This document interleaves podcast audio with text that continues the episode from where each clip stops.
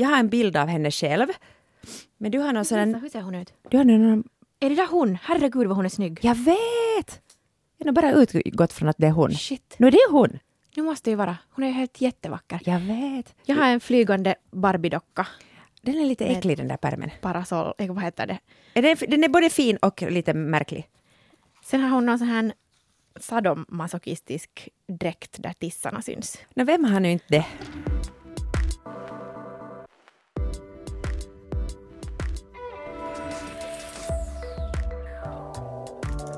Hej och välkomna till Hietanen och Henriksson, Svenska Yles bokpodd.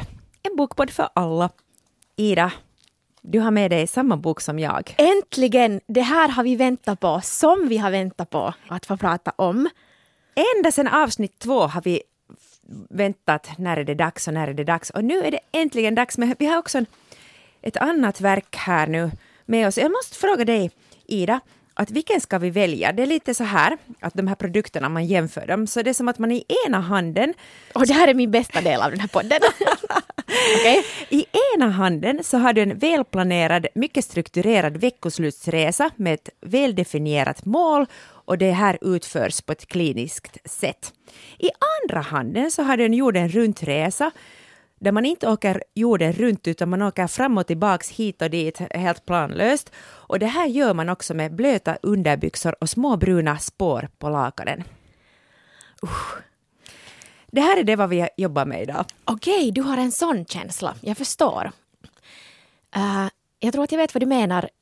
Då, då kanske vi ska börja med den här som låter lite tråkigare. Alltså den här välplanerade Ja! lilla korta semestern, weekenden. Och så sparar vi den här långa jorden runt-resan med blöta underbyxor till, till senare. Ska vi avslöja vad det är nu redan? No, det måste vi göra. Ja. Alltså, Rädd att flyga av Erika Jong. Från 73. Och det är många av er också som har, som har hört av er och, och sagt att ni gärna hör en diskussion om den här boken och många, många tycker så mycket om den här boken och, och har sagt att ni också vill gärna läsa den på nytt själva. Så nu hoppas vi att alla har hunnit ta fram den igen, damma av den. Jag måste säga att jag är lite nervös för att prata om den just för att det är så, en så legendarisk bok. Och ja, som du sa, många har läst den, så vi kan inte riktigt hitta på nu saker och ting, utan nu måste det vara fakta, rätt fakta. Ja, och finns det något nytt att säga om den? Ja. Vi får se. Det första som vi kan prata om är, är från den finlandssvenska läsutmaningen, en nu levande nobelpristagare. Och då valde vi Alice Munro. Och vi har läst faktiskt nu, för att klara och hinna det här inom mars månad, så har vi läst en novell som heter Dolly. Och den kommer från en samling som kom ut 2013 och hette Brinnande livet. Den heter Dear Life, ifall ni har läst den på engelska. Och vi har nu läst Dolly på svenska, kanske båda två. Mm. 2013 var ju året då hon fick Nobels litteraturpris. För, eh, och då, var motiveringen att Alice Munro är den samtida novellkonstens mästare. Ja, och det sägs att den här Dear Life är ett bra exempel just på, på när hon är som bäst. Och vi valde Dolly eh, för att den, är, den, har kommit fram på nytt. Den finns på olika sådana här läsplattformar och så finns den i, som ljudboksformat och så finns det också uh, som novell av Novellix. Novellix är förresten ett helt underbart litet förlag som ger ut noveller och de är alltid otroligt snyggt formgivna. Och, och den Oj, här... ni måste följa dem på Instagram. De, har så, alltså, de är så vackra de där böckerna. Och så gör de sådana fina stilleben. Man vill bara ha dem i sin bokhylla och i sin hand. Ja, alltså oj, oj, oj. Jag äger inte en enda fysiskt exemplar ännu, men jag skulle vilja ha grannar som, som ganska många pratar om. Där har de bett massor med olika författare, nio stycken, att skriva på temat grannar. Och, och där är författare från uh, mest Sverige, men också Finland. Kjell Westö är med där. Nåja, Dolly. Vem vill berätta? Dolly handlar om ett äldre par som planerar sin sorti ur denna värld, kan man väl säga. Uh, de, de tänker att de har nu inte så mycket tid kvar och de har ungefär gjort allting som, som man nu behöver göra här på jorden och så planerar de för, för sin död. tillsammans. Och hon är 71 och han är 83.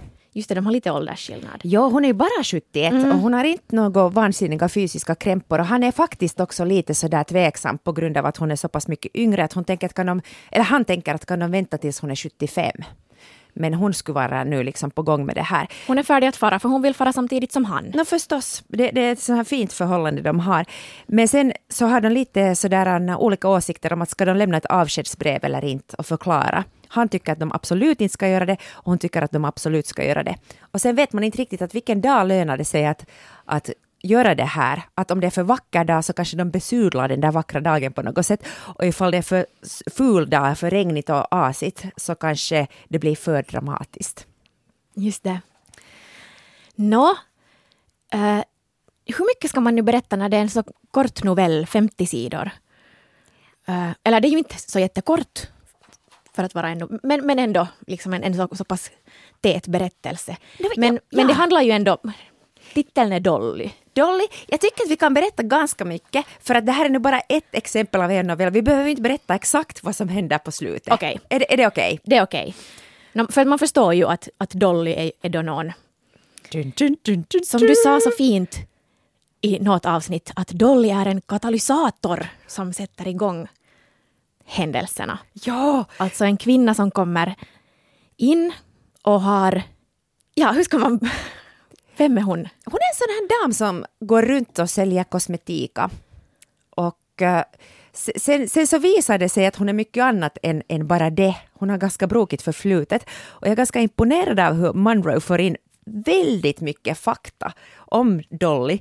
På, på några få meningar så eh, ritar hon upp ett liv som är så stort att det skulle räcka till ganska många romaner. Den här kvinnan, katalysatorn, visar på hemligheter eller ja, oberättade saker som har funnits mellan det här paret. Och eh, den här mannen är faktiskt en poet. Kvinnan är en, och det här är så intressant, hon är en, hon skriver om bortglömda författarskap, alltså sådana här biografier om kvinnliga bortglömda författarskap, det är hennes jobb nu för tiden. Och den här mannen så han har skrivit ganska sådär vågade dikter om eh, ett kärleksobjekt. Mhm, kan vi gissa vart det här barkar? Nå, det var ju Dolly. Mm. Och så uppenbarar hon sig i deras liv. Kommer bokstavligen och knackar på dörren Ja. för att sälja kosmetika. Och den här kvinnan och Dolly blir på något sätt kompisar. De, de bondar ganska snabbt då.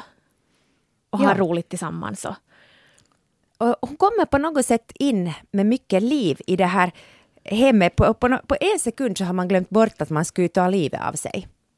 Plötsligt så, så blir mycket andra saker intresse, intressanta. Och det som jag tycker den här novellens mm, styrka, just den här vändningen, att plötsligt har de så mycket att förlora.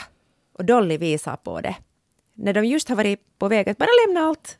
Och så kommer hon in med, med allt möjligt och det bidrar till svartsjuka, oro, det hettar upp kanske passion på nytt. Det, det är ganska intressant, intressant historia. Dock lite långsökt. ja, eller hur, hur menar du långsökt? Jag kanske hakar upp mig på detaljer, men att, att hon var, att hon den här kvinnan i förhållande, att hon faktiskt skrev biografier om bortglömda kvinnliga författare. Och hon hade haft något annat yrke tidigare, men så hade hon bara plötsligt sadlat om. Det var nu en detalj. ja, men det är just det här att, att man på så få sidor ändå får veta så mycket om dem. Att det, är ju, det är som en miniroman.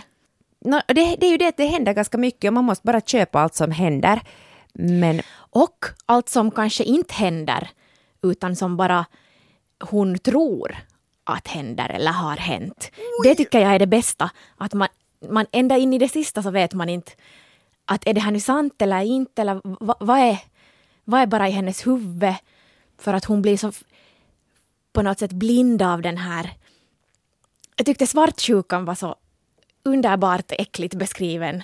För att den är just, svartsjuka är just så där hemskt som, som Monroe skriver. den var faktiskt effektfullt beskriven och den visar också hur mycket det är i huvudet. Svartsjukan är kanske nästan alltid bara i Den huvudet. är ju bara i huvudet. Allt annat är ju bara basic fakta. Eller bara Ja. bara, men Men no, jag tyckte också kanske att det var lite sådär lustigt, no, jag känner ju inte den här huvudrollspersonen. Vi har, vi har inte ens något namn på henne. Fick hon något namn någonsin? Hon hade nog något namn. Franklin och hon hette nu... No. no. Så jag känner ju inte henne då så bra eftersom det här gick så snabbt. Men jag trodde inte, jag tänkte sådär att det här var inte alls likt henne att hon faktiskt in på ett, tog in på ett motell. Men hon blev väl galen helt enkelt av svartsjuka. Ja, och för, för, att hon, ja, att jag tänker så att hon tänkte att, att allt var liksom redan klart. Och sen plötsligt så kom det en sån här vändning att kan hon, hon, hon tänker att hon och, och den här mannen är ett sånt team att ingenting kan skilja dem åt, inte ens döden. Men sen kommer den här gamla kärleken som plötsligt får till och med döden att måste lite ge vika. Vet du. Och det blir en enorm omställning. Att hon måste omvärdera liksom allting. Mm. Jag, älskar, jag älskar det där slutet. Vi ska inte säga vad som händer där. Men att det ändå fanns en... Eller för, att hennes, hennes liksom noveller är ofta väldigt sådär lågmälda och handlar om jättevanliga människor och liksom vanliga saker. Sånt som är lätt att känna igen sig i. Men sen att det ändå finns någon sån där twist att man på riktigt blir upphetsad och arg och, och sen liksom sker det någon slags... Ja, det kommer en överraskning på slutet. Ja, och hon, hon har sällan, du har läst mera än vad jag har läst av henne, men hon har inte den här att och så vaknar han och så var det en dröm. Att hon lurar aldrig läsaren utan hon är så skicklig att hon, hon man får det vad hon har lovat. Ja, det finns, det finns där i texten. Ja, och, och man får lite till. Exakt. Jag, jag, tycker att vad jag nu lite studerar här runt omkring, jag försökte börja läsa eh, lite andra texter också, att och det här var nu just sånt som jag just nu inte vill läsa. Det är lite sådär brunt, därför för att det är ofta småstad, det är ofta lite sådär smutsigt och fattigt ändå. Och, eh, och regnar och snöar och slaskar lite. Ja, och det kändes lite för nära hemma. Men absolut, alltså hon är nu 83, 84, så jag vet inte hur mycket hon ännu kommer att skriva, men vilket otroligt författarskap. Verkligen. Hej, det har också varit roligt att, att titta vad ni har läst för nulevande Nobelförfattare. Det finns ju faktiskt en hel del som fortfarande lever. Um, och om ni är intresserade av att kolla vad andra har läst eller få, få något tips så hashtaggen på sociala medier är FISV, läsutmaningen 2017. Erika Jong, Fear of Flying. Vi har läst den både på svenska Visst. Ja. Det är mitt fel för att jag lånade dem på svenska. Jag hittade inte dem på engelska. Det var svårt att överhuvudtaget hitta den här boken någonstans.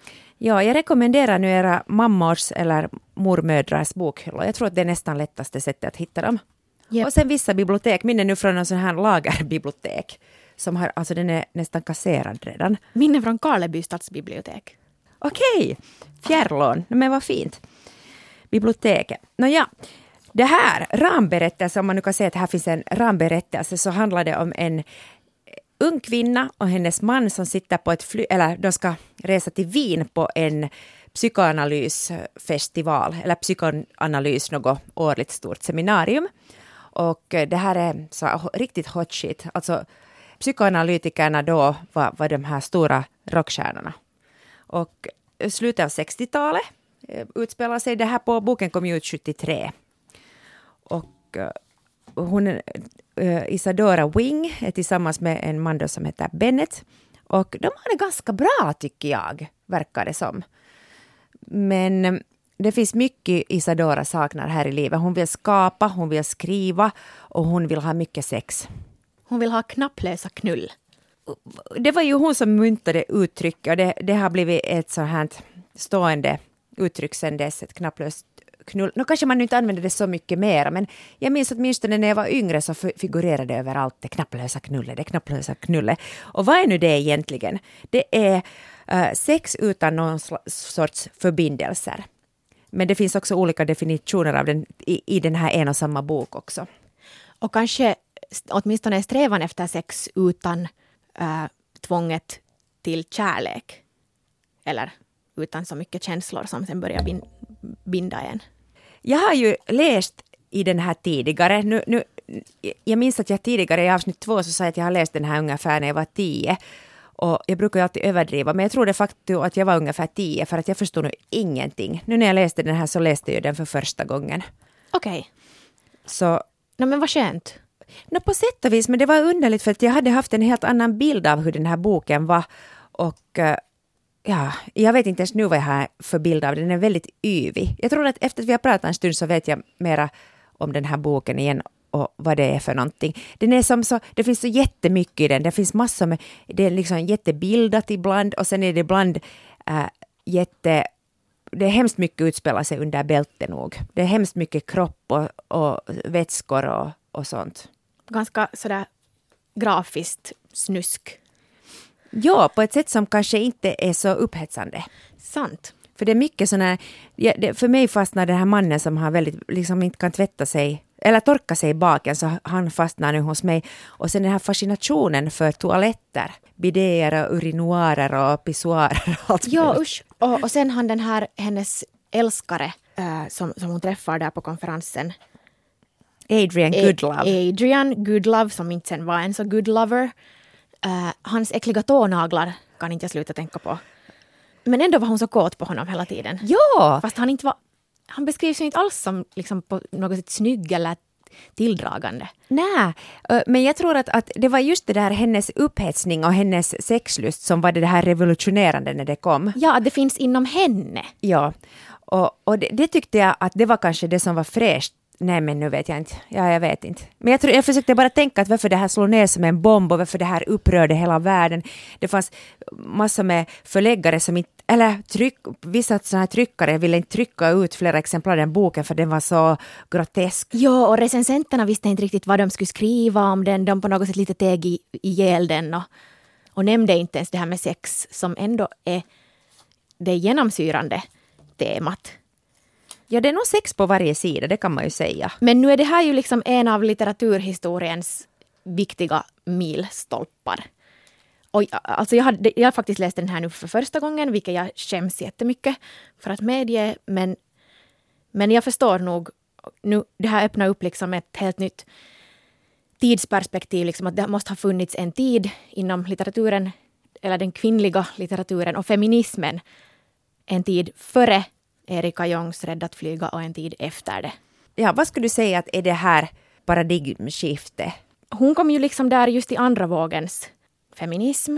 Att om man sådär snabbt går igenom de här vågorna så första vågens feminism var sådär från typ slutet av 1800-talet, början av 1900-talet eller börjande med suffragetterna och handlar om kvinnlig rösträtt och ekonomisk äh, självständighet. Liksom helt sådana grundläggande äh, jämställdhetsfrågor. Och då kvinnan ansågs, eller man ville uppnå liksom jämställdhet, att kvinnor och män är lika.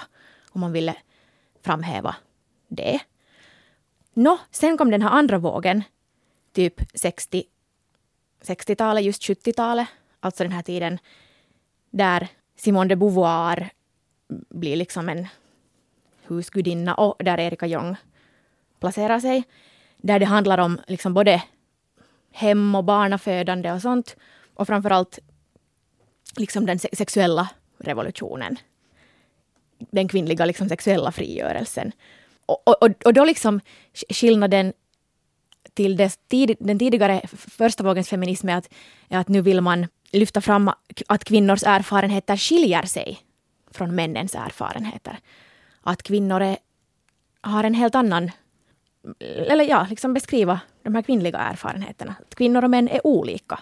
Och sen kanske nu sen igen i tredje vågen på 90-talet och framåt, den här pop, pop och mediefeminismen, så finns det sådana som igen vill återgå till att okej, okay, att det kanske nu inte finns några fundamentala skillnader mellan män och kvinnor, utan man kanske betonar mer liksom olika former av förtryck som samverkar, alltså, alltså intersektionalitet och bla bla bla sådär jätteförenklat. Så hur, vad var din fråga? Ja, att hur den här placerar sig. Ja, att, vad, vad är det som gör att den här just kommer där och förändrar allt inom litteraturen? Ja, no, jag förstår det nu när du berättade där. Att hon tog in uh, sin kvinnliga sida och sin kropp och sexualitet. Ja, att hon vågar, vågar skriva om det där kvinnliga begäret. Och ta makten över sin egen sexualitet, eller åtminstone försöka göra det. Innan det här så hade det nog skrivits om, om kvinnlig sexualitet, men det var alltid män som hade skrivit om det. Och, och då var det alltid sådär mystifierat och, och kvinnan är som någon slags, vet du, upplyft gudinnevarelse som man inte kan förstå. Jag tycker att man behöver mycket tid på när man läser den här. Den är indelad i små, eller inte små, men i kapitel med olika namn. Och egentligen kan du läsa en, en sån här berättelse i taget. Att den är inte på det sättet så här uppbyggd som en roman egentligen. No, nu är det en roman, men det, om vi säger den här hjältinnan, så hon är den samma personen på sidan ett som hon är på sista sidan.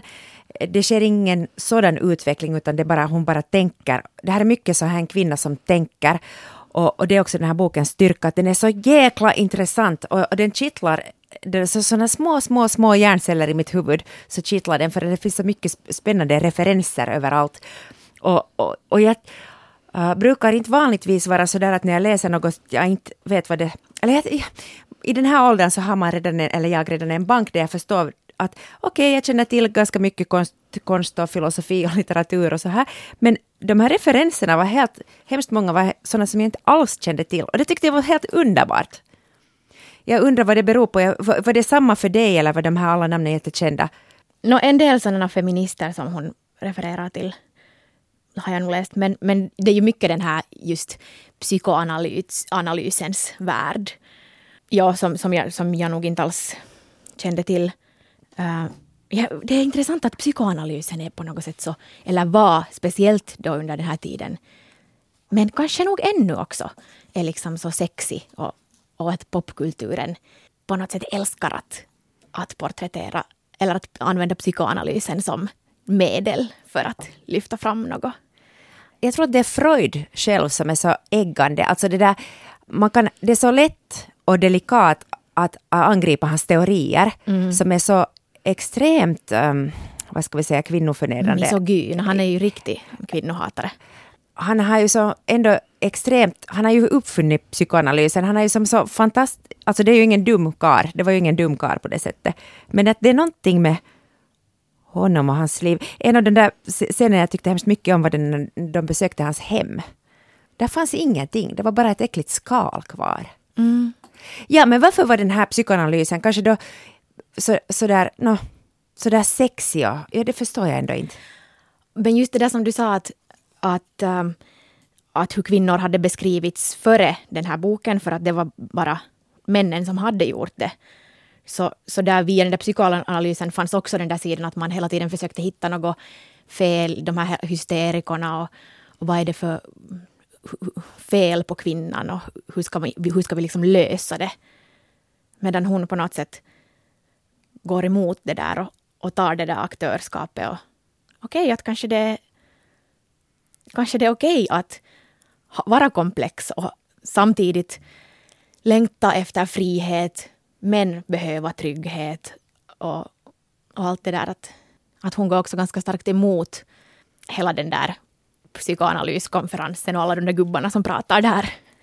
Det som är så roligt, hennes man är då psykoanalytiker förstås. Det som hon är där för är att skriva ett sånt här avslöjande inside-reportage om den här hela festival, vad det nu är, seminariet.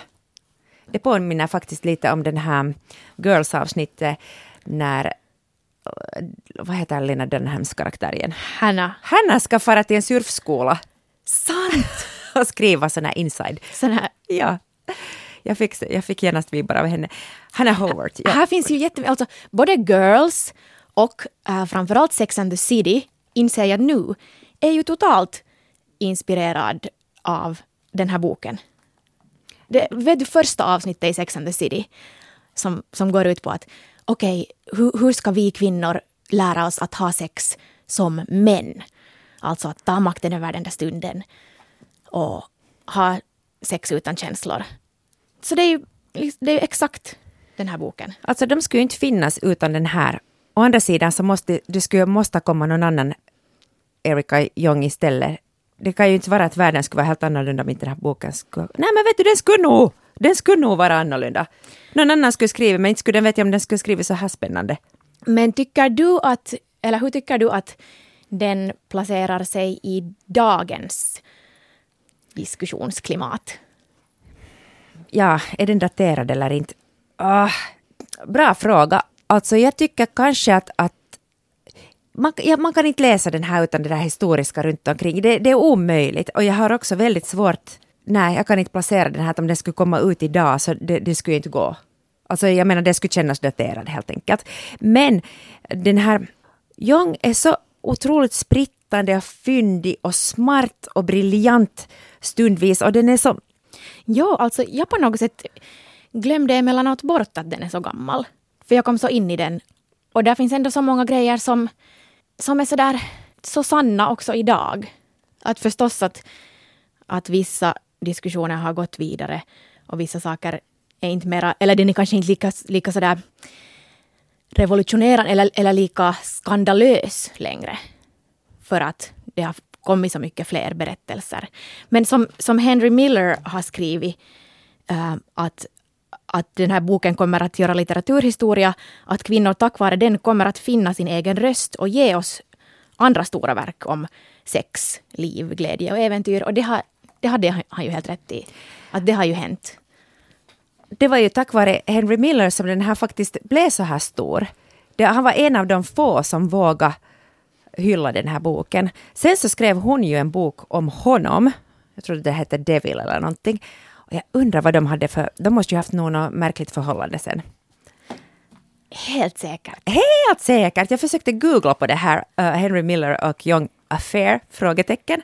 Men jag, jag kom inte så långt med, med det där om ni vet någonting om det här kan ni please skriva åt oss. Ja, den här är ju väldigt, väldigt nära hennes eget liv. Hon hade själv skrivit två diktsamlingar och höll på, ja, det, det är hemskt mycket sånt. Och också som en liten sån här detalj, så efter den här så kom hon ut med Rädda livet, som handlar om en man som har så jättesvårt att vara för att hans fru har skrivit en bok om när hon är otrogen mot honom och hela världen får reda på det och han blir liksom i fokus.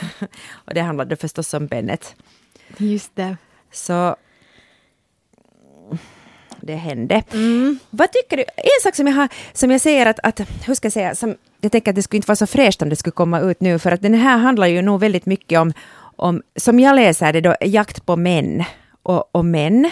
Inte bara sex, alltså hon pratar hemskt mycket om det knapplösa knullet, men ja, alltså det är som ett ideal för henne men det, sen är det kanske ändå inte det hon vill ha sist och slutligen. Och det har man all rätt till, att man inte kanske vill ha det vad man vill ha, tror att man vill ha. Men att hon är så besatt av de där olika männen eh, så det, det känns lite ofräscht tycker jag. Fast det måste man ju också få vara. Men det är ju jätteofräscht men till exempel jag kände igen mig jättebra i det också. Att något som vi har pratat många gånger tidigare, att det är så mycket i vårt samhälle som fortfarande är så heteronormativt och att det finns en sån där heterohets. Och, och såklart man är påverkad av det. Vissa mer och andra mindre. Men liksom att, att det är det som är förväntningen och därför är det så svårt för henne och för mig och för oss att, att liksom hitta den där balansen mellan frihet och kärlek. Att går det ens att kombinera dem? Och sen om man får den där friheten så vågar man sen hoppa ut i den, vågar man sen flyga. Eller ångrar man sig sen i sista sekunden och, och liksom vill ändå tillbaka till den där heterotvåsamheten. Fast den är kvävande ibland, men då vet man i alla fall vad man får.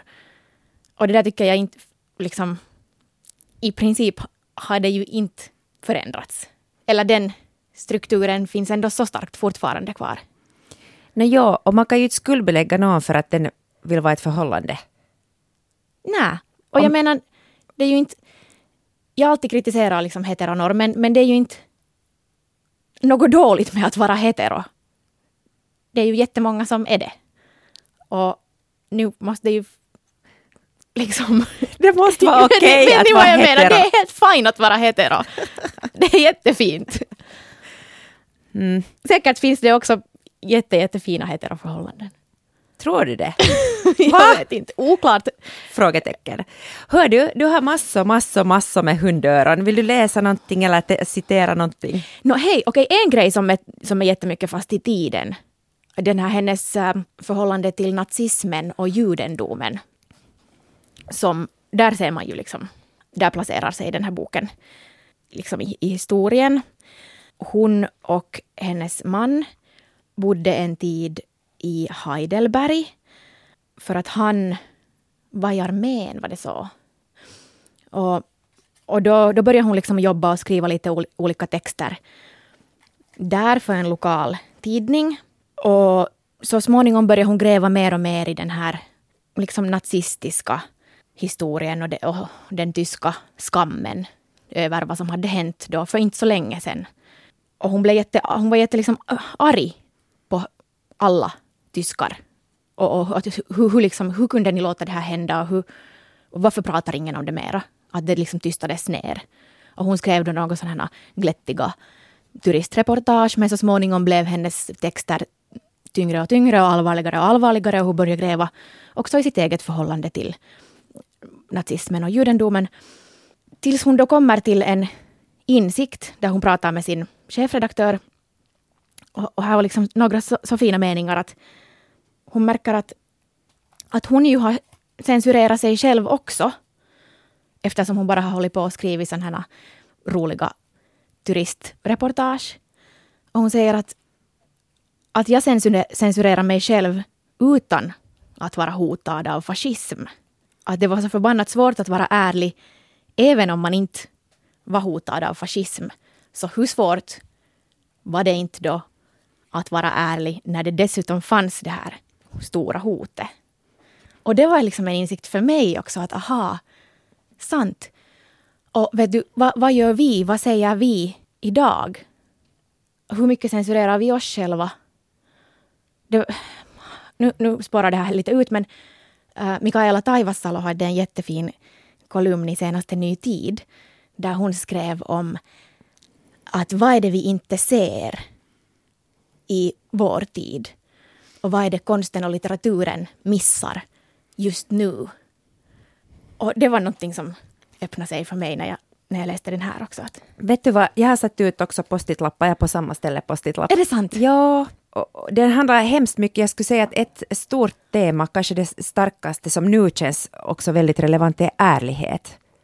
Och, och hur svårt det är. Och hur mycket lager av lögner det finns strukturellt sett, men också inom en själv.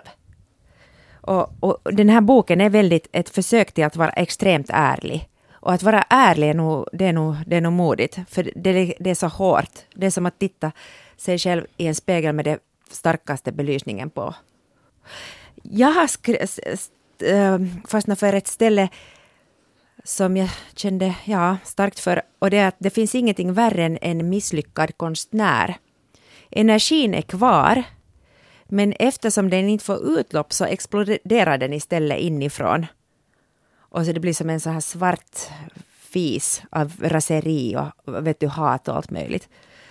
Ja, ja det, det kändes jättestarkt. Vet du, det finns ju massor med konstnärer och deras liv är krångligt och svårt och eländigt. Och så finns det misslyckade konstnärer.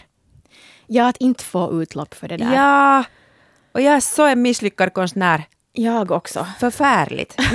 Men därför är det ju ljuvligt att här få åtminstone lite sådär prata av sig. Prata av sig i vår misslyckade misär. Men det här påminner om en, en intervju jag läste med Ulla Donner här nyligen om splenish. Så den handlar ju också jättemycket om att vilja och kanske vilja så mycket och känna att man behöver och ska, men att hur svårt det är. Jag har inte ännu läst hennes, den verkar helt ljuvlig det där, hennes seriealbum. Alltså verkligen, vi, vi måste ta anden om vi hinner här vid något skede. Ja.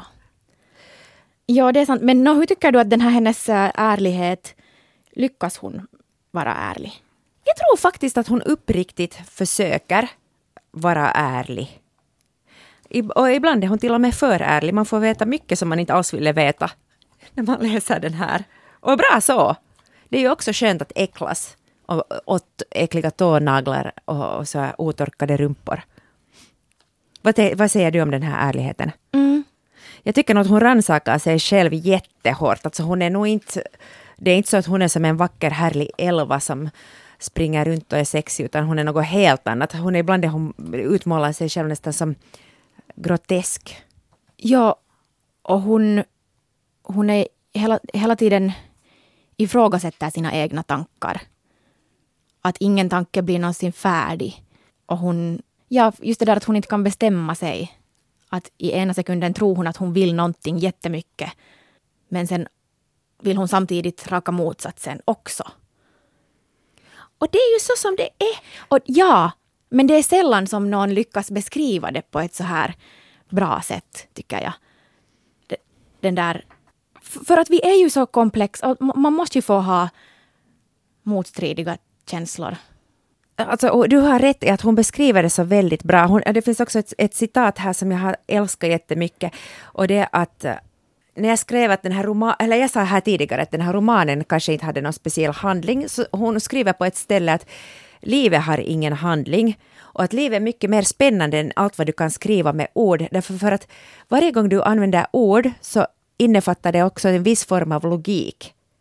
Men, men livet kan man, när man beskriver livet i ord så gör man det genast plattare på något sätt och, och mera ja, logiskt. Och jag tycker att hon har på något sätt lyckats komma förbi det här ordens inneboende logik. Att hon faktiskt, det känns som en bit av liv. Ja, att hon förenklar inte, hon går inte i den fällan. Nej.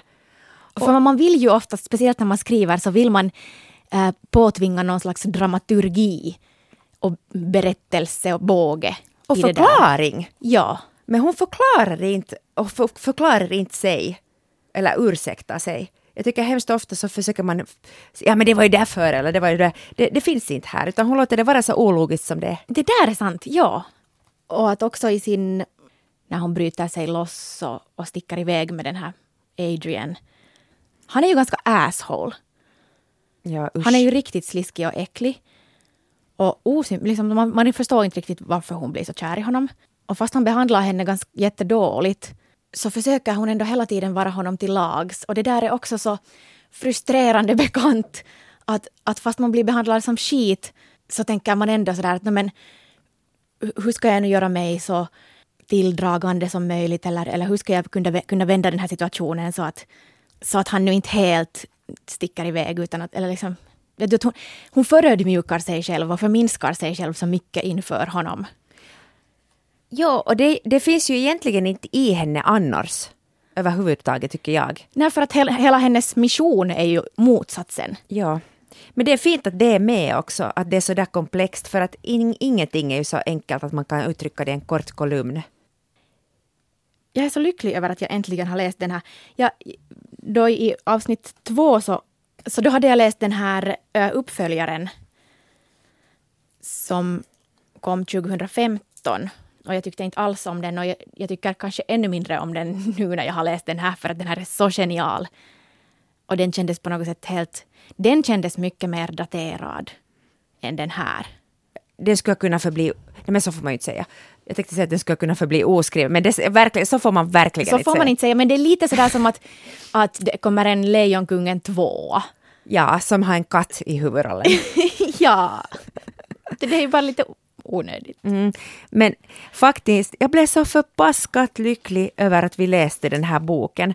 Och, och, att ni var på oss, för att det var vi som pratade om att ja, man borde ju läsa den igen. Och det var ni som var att läs, läs, läs, läs. Och det känns så underbart att kunna ta upp en sån här gammal bok och känna systerskap och, och få livslust och bli, jag vet inte, kittlad på många olika sätt. Jag tyckte mest om de här faktiskt akademiska referenserna och allt det som inte jag riktigt kände till och förstod. Jag tyckte det var helt underbart och jag slog upp allt i en hel del. Jag önskar att jag skulle haft ännu mer tid att slå upp. Men ja. Ja, det kommer nu att i mitt liv också finnas en tid före Rädd att flyga och en tid efter Rädd att flyga. Men läs den på engelska om ni hittar den. Här är sådana översättningar, till exempel Adrian kallar alltid henne för Pullan. Pullan? Vad är Pullan? Använd... Det låter jättesnuskigt. Ja, usch. Och sen saker och ting är knaskul. Okej, okay. uh, viktigaste lärdom, Ida, från den här? Eller ska vi säga en insikt eller någonting? Okej, okay, jag vet inte varför jag kommer att tänka på det här. Det här är inte alls viktigaste. Men hur, hur hon beskriver alltså fallosen. Okej, okay, det, det, här är inte alls viktigaste. Men, men alla kukar är så där lite slaka och vet du, böjda. Och hon är att den är inte... hur ska jag säga det här? Jag tyckte det var ljuvligt. Att ingenting var sådär erot, liksom sådär som man skulle kunna tänka sig att en roman som handlar om sex, att den skulle vara sexig. Så ingenting är sådär sexigt beskrivet. Det finns, en Utan sån, männen är lite stuck in, vet du. det, finns en sån, här svag lukt av urin på varje sida. Håller du med om det? Ja, verkligen. Okej, men viktigaste, ehm, jag vet inte, vad, vad säger du? Jag vet inte varför det slår så starkt just nu, fast jag nog vet om det här och alltid tänker på det, men att var det ens i den här romanen? Jo, visst var det här. Att man måste helt enkelt sätta sig själv på något sätt på sin egen piedestal, för att om jag ser ner på mig själv så då gör ju alla andra det också. Alltså det här är sånt som det står ju i alla självhjälpsböcker jag läst i hela mitt liv, men det kom så där starkt från den här boken. Ja, ja, tänk hur, eh, jag hatar egentligen ordet empowering, men vad är det på svenska, så där upplyftande den här boken har varit för liksom generationer. Okej, min kanske, eller en sån där viktig insikt var att, att hur fortfarande relevant och intressant det är att inom feminismen ha en dialog mellan liksom generationerna emellan och också se bak, tillbaka på och känna till sin eller rörelsens historia och varifrån de där idéerna och tankarna kommer och, och hur de, vem som har lånat av vem och hur de har formats. Och att det här var ett så viktigt led i det att jag inte förstår hur jag har kunnat missa det hittills. Tack för att ni tipsade om det här. Alltså mera, mera. Ni ser ju att vi läser det vad ni säger att vi ska läsa. Eh, och, och det här är en stark rekommendation till precis var och en. Och kan inte ni också dela med er vad era, era stora insikter som ni har fått via Erika Jong? Ja, Varför har den varit viktig för er? Vilken, vilken... För ni var på riktigt jättemånga som, som nappade på det här. Ida, skulle du vilja vara Isadora Wing? Nå, jag vet inte om jag skulle vilja, men jag känner att jag ofta ofrivilligt är. jag skulle kanske vilja vara någon helt annan. Jag skulle hellre vara Erika Young än, än Isadora Wing, fast det är kanske ganska mycket samma person. Men vi har en fråga till er och det är det att vilken fiktiv karaktär i någon roman skulle ni vilja vara? Vilken romanfigurs liv skulle ni vilja leva? Och varför? Och varför? Och hashtagga det här med Hietanen Henriksson. Till exempel på Instagram och en foto på den här boken. Och varför ska ni göra det här? Jo, för att göra oss glada. Och plus att vi har böcker som vi skulle vilja skicka ut. Den bästa eller fyndigaste eller roligaste eller sannaste berättelsen får... Vi har tre bokpriser. Ja, Överraskningspriser. ja, den bästa får det bästa paketet och de andra får sådana ganska dåliga paket. Men ja, dela med er på, på sociala medier. Hashtag Hietanen Henriksson. Vilken romankaraktärs liv skulle ni vilja leva? Kommer du på någon nu, Ida, på rak arm? Jag skulle vilja vara den där gamla Mumintrollen i Kakelugnen, de där förfäderna. Just det. Jag vet inte varför de är så charmiga. Och sen den andra är helt inte alls charmig. Så, nej, men jag kan inte säga det, det är så hemskt. Säg. Nej, jag kan inte. Du måste. Nej, jag kan inte. Nå, låt komma. Uh, nej, jag kan inte. Nå, Jag ser nästa nej, avsnitt. skärp dig! Nej, jag måste kan inte. Jag kan inte. Jag glömde. Anne! Okej. Nå, jag har alltid sagt att jag skulle vilja, vilja leva i någon um, Dostojevskij-roman, men efter vår katastrofala upplevelse med, med källarhålet så måste jag kanske ändra mig. Det var nog inte kanske så romantiskt och sexigt som jag, som jag har på något sätt målat den där bilden i mitt huvud. Kommer du på någon annan? Mm. Jag, jag, när jag säger min nu då. Usch. Ja, Patrick Bateman från American Psycho. Helt enkelt därför för att det skulle vara så, det är lite annorlunda i mitt liv och det skulle vara lite roligt att vara så där rik och snygg och gå runt och mörda helt utan moral. Anne, vet du vad? När jag var chefredaktör på Studentbladet så hade jag en sån här stor anslag, anslagstavla med en jättestor bild på Christian Bale från American Psycho där som min inspirationsbild! Men där ser man människan är dubbel. Där ser man. Åtminstone dubbel. vi är soulmates. Alltså borde vi läsa den också på nytt? Usch, den är ju nog så vidrig. Den är nog... Och bra. Men jag undrar om jag har i tiderna gillat den bara för att jag alltid har dejtat några killar som har varit sådär uh, Patrick Bateman. Just Och sen har jag tyckt att det är lite coolt. Okej. Det, det var det. Intressant. Usch, förlåt! no, sånt är livet. Hej, tack för att ni har lyssnat. Och, eh, och jättegärna gå in på Soundcloud och tryck på follow. Det skulle betyda mycket för oss. Och, och sen gärna lite hjärtan här och där. Det skulle vara helt fantastiskt. Förutom Soundcloud så finns vi också på Arenan och Acast och iTunes. Fast det vet ni säkert redan om ni lyssnar på det här. Om ni vill mejla oss så adresserna är anne.hietanen.yle.fi och ida.henriksson.yle.fi. Och vår producent heter Kia Svetihin. Hon är bäst. Det är sant. Ha det bra, våren kommer, livets vår kommer.